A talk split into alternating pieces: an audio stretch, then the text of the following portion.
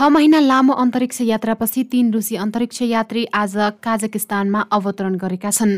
रुसको अन्तरिक्ष एजेन्सी रोस्कोस्मोसले अन्तर्राष्ट्रिय अन्तरिक्ष स्टेसन आइएसएसका अनुसार ओलेग आटेमएव डेनिस मातवेयेव र सर्गेई कोर्साकोभ निर्धारित समय अनुसार दस बजेर सन्ताउन्न मिनटमा जेसकाज गान सहरबाट एक सय अडचालिस किलोमिटर दक्षिण पूर्वमा अवतरण गरेका थिए।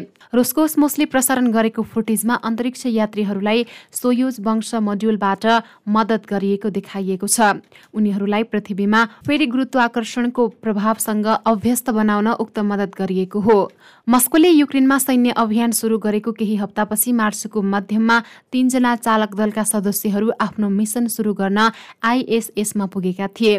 गत जुलाईमा रोस्कोसमोसले पूर्वी क्षेत्रमा मस्को सेनाको समर्थनमा आवाज उठाउन क्रेमलिन समर्थित लुगान्सक र डोनेत्सक क्षेत्रको झण्डा बोकेका तिनैजनाको तस्विर पोस्ट गरेका थिए। मस्को नियन्त्रणमा रहेको युक्रेनी लुगान्सक र डोनेत्सक सहितका चारवटा क्षेत्रले राष्ट्रपति भ्लादिमिर पुटिनलाई औपचारिक रूपमा ती भूभागहरू रुसमा गाभ्न आग्रह गरिरहेका बेला उनीहरू पृथ्वीमा फर्केका हुन्। युक्रेनमा रुसको सैन्य अभियानको प्रतिकार्य स्वरूप पश्चिमी राजधानीहरूले मस्कोमाथि अभूतपूर्व प्रतिबन्धहरू लगाएका छन् जसमा एरोस्पेस उद्योग पनि समावेश छ। यद्यपि बढ्दो तनावको बावजुद अन्तरिक्षीय मस्को र वासिङटन बीचको सहयोगको अन्तिम बाँकी क्षेत्रहरूमध्ये एक हो। गत साता नासाका फ्राङ रुबियो र रुसका सर्गे प्रोकोपेभ र दिमित्री पेटेलिनले काजाकिस्तानको बैकोनुर कोस्मोड्रोमबाट रोस्कोस्मोसबाट सञ्चालित अन्तरिक्ष यानबाट अन्तरिक्ष यान मार्फत अन्तरिक्ष केन्द्रमा प्रक्षेपण गरेका थिए। यसैबीच रुसकी एकमात्र सक्रिय महिला अन्तरिक्ष यात्री अन्ना किकिना अक्टोबरको सुरुमा एक्सप्रेस ड्रागनमा चढेर कक्षीय स्टेसनमा जाने अपेक्षा गरिएको छ। अमेरिका क्यानाडा जापान युरोपेली अन्तरिक्ष निकाय र रुस बीचको सहकार्य रहेको आइएसएसलाई अमेरिकी कक्षीय खण्ड र रुसी कक्षीय खण्ड गरी दुई भागमा विभाजन गरिएको छ। रुसले सन् दुई हजार चौबिसपछि आइएसएसबाट बाहिरिने आफ्नो इच्छा व्यक्त गरेको छ। विश्व खाद्य संगठनले विश्वमा हालैका दिनमा बढ्दै गएको द्वन्द्व तथा विश्वमा सङ्कटपूर्ण रूपमा देखिँदै आएको जलवायु परिवर्तनका कारण विश्वमा खाद्य सङ्कट बढ्दै गएको पाइएको छ। विश्वमा अहिलेका तुलनामा आगामी दिनहरूमा खाद्यान्नको सङ्कट बढ्दै जाने देखिएको चेतावनी सो सङ्गठनले बुधबार दिएको हो। विश्वमा अहिले खाद्यान्न सङ्कटको समस्या दिन प्रतिदिन बढ्दै गएको पाइएको छ। त्यसका विभिन्न कारणहरू छन्। तीमध्ये विश्वका विभिन्न देशमा जारी रहेको आन्तरिक द्वन्द्व र जलवायु जलवायु परिवर्तन पनि कारक रहेको सो सङ्गठनले जनाएको छ। विश्व खाद्य सङ्गठनका महानिर्देशक क्यु दुङयुले सो कुरा बताउनु भएको हो।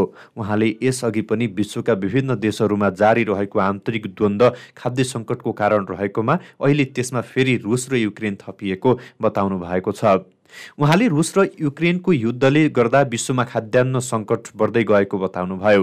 यी दुई देशका युद्धका कारण विश्वमा अन्य देशहरूमा खाद्यान्न आपूर्ति तथा उत्पादनकै क्षेत्रमा पनि सङ्कट बढेको बताउनु भएको छ।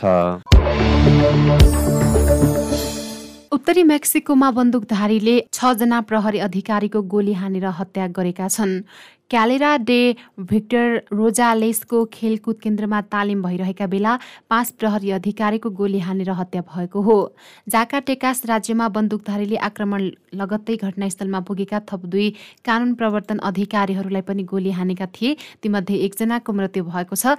आक्रमणमा लागौस तस्करको संलग्नता रहेको अनुमान गरिएको छ। गत जनवरीमा जाका टेकास राज्यको राजधानीमा गभर्नरको दरबारको अगाडि छोडिएको खेलकुद प्रतियोगिता गाडीमा दस सप फेला परेका थिए। यसैबीच पछिल्लो घटनाबारे प्रहरीले अनुसन्धान सुरु गरेको छ। पाकिस्तानको दक्षिणी बन्दरगाह सहर कराँचीमा रहेको एउटा दन्त चिकित्सालयमा अज्ञात बन्दुकधारीहरूले गोली चलाउँदा एक चिनिया नागरिकको मृत्यु भएको छ र अन्य दुईजना घाइते भएका छन्। उनीहरू विरुद्ध लक्षित हमला भएको पाकिस्तानी प्रहरीले जनाएको छ। प्रहरीका अनुसार आक्रमणकारीहरू बिरामी भएको बाहना गर्दै कराँचीको सदर क्षेत्रमा रहेको क्लिनिकमा प्रवेश गरेका थिए। घाइते हुनेमा एक महिला पनि रहेकी छन्। पीडित सबै चिनिया नागरिक रहेका प्रहरीले पुष्टि गरेको छ। घाइते दुवैजनाको अवस्था गम्भीर रहेको जनाइएको छ। उनीहरूको पेटमा गोली लागेको छ। घटनाबारे अनुसन्धान गर्न सिन्ध प्रान्तका मुख्यमन्त्रीले निर्देशन दिएका छन्।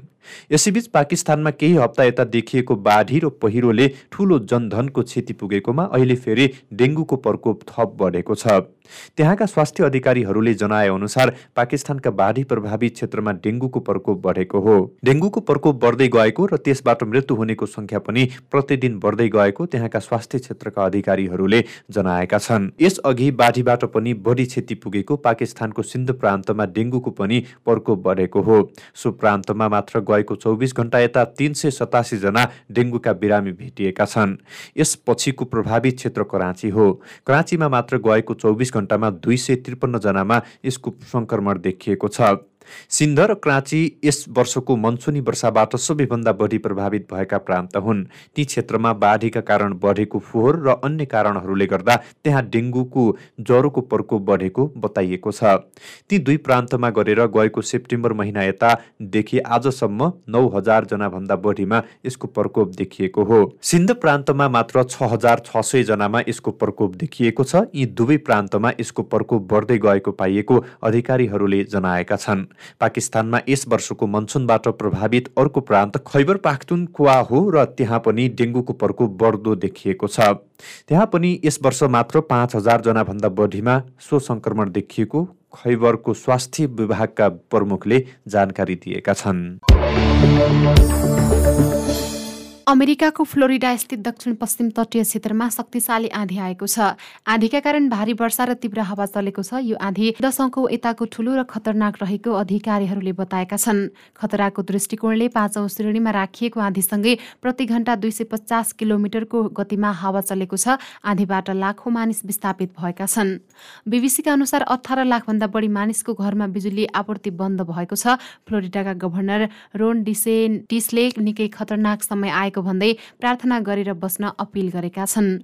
फ्लोरिडाको पश्चिमा तटमा ठोकिएको आँधीका कारण हिजो अमेरिकामा अन्तर्राष्ट्रिय तथा घरेलु गरी चार हजार भन्दा धेरै उडान रद्द गरिएको छ। र प्रहरीको हिरासतमा रहेकी एकजना महिलाको मृत्यु भएको विरोधमा इरानमा भएको विरोध प्रदर्शनलाई समर्थन गर्ने महिला जुलुसलाई तितर बितर पार्न तालिबान सेनाले आज गोली चलाएको छ। बाइस वर्षीय महसा अमिनीको मृत्यु भएपछि छिमेकी देशहरूमा विगत दुई हप्तादेखि व्यापक विरोध प्रदर्शन भइरहेका छन्। यसैबीच तालिबानले रुससँग गहुँ ग्यास र तेल खरिद गर्न आयात गर्ने सम्झौतामा हस्ताक्षर गरेको छ।